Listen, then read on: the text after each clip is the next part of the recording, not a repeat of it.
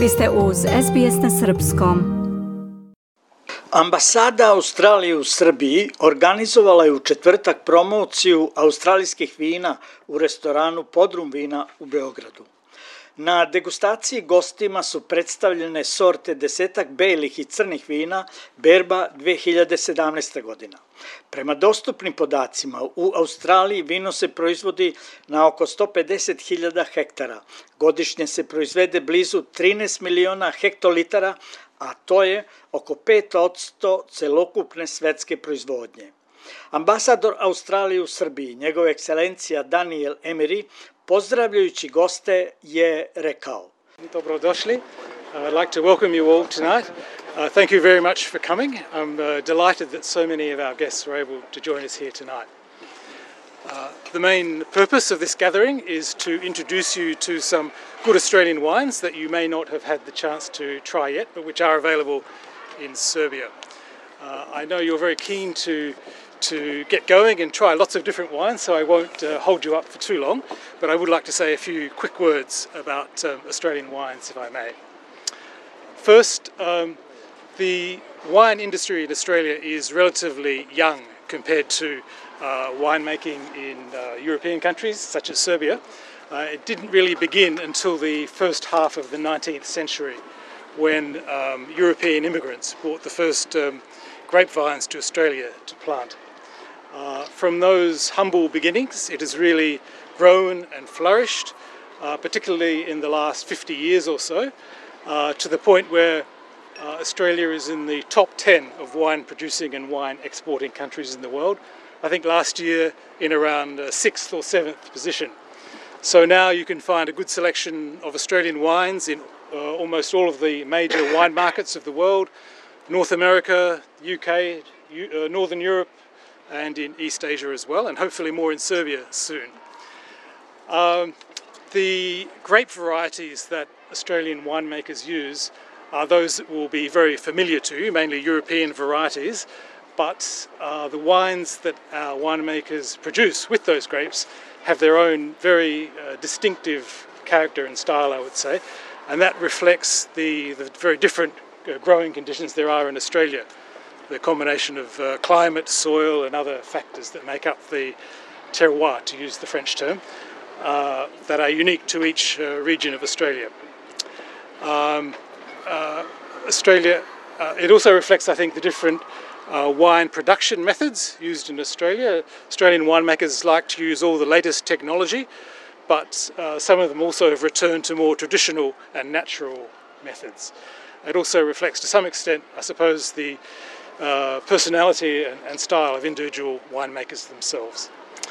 Um, I, uh, I, think we're very lucky in Australia that it's such a big country, so we've got uh, a very wide range of climate zones and different soils, so that uh, almost any grape variety will grow well somewhere in Australia, and we can produce uh, a very wide variety of wine styles. Um, for example, in um, the area where I'm from, South Australia, near Adelaide, it's very hot, dry, and sunny. Uh, so we produce wines that are very like those of southern Italy or southern Spain.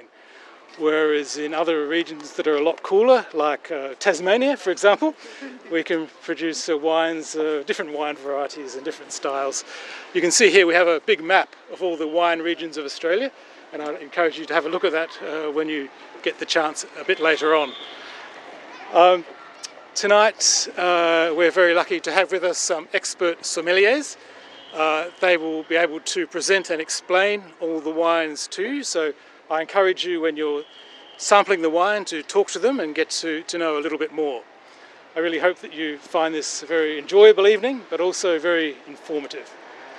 And uh, finally, I'd like to thank our partner for this event, Wine Art, who've provided this wonderful venue and have given us a lot of very generous uh, support and assistance. So thank you very much.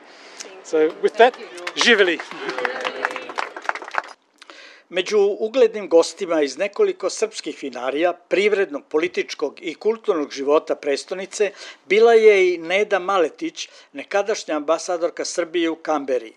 Gospođa Maletić je za SBS kazala – Da, da, australijska vina. Pa to je nešto što je sve, sve poznatije i srpskoj publici. Znači, a, oni su se zaista potrudili da, da povećaju asortiman vina iz Australije koji se mogu naći u Srbiji, ali moram da dodam nešto da sam a, tokom svog mandata u Australiji ja napravila dva slična događaja, zapravo degustiranje srpskih vina u Kamberi.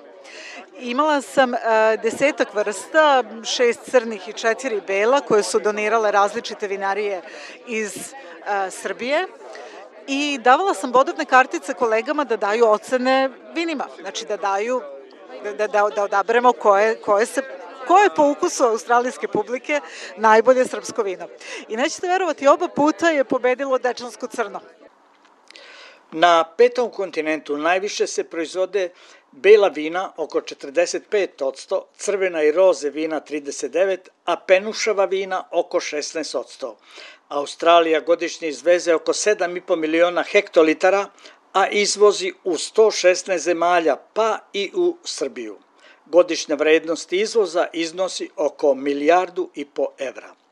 Pet najvećih svetskih izvoznika vina su Španija, Italija, Francuska, Čile i Australija. Iz Beograda za SBS Hranislav Nikolić. Želite da čujete još priča poput ove? Slušajte nas na Apple Podcast, Google Podcast, Spotify ili odakle god slušate podcast.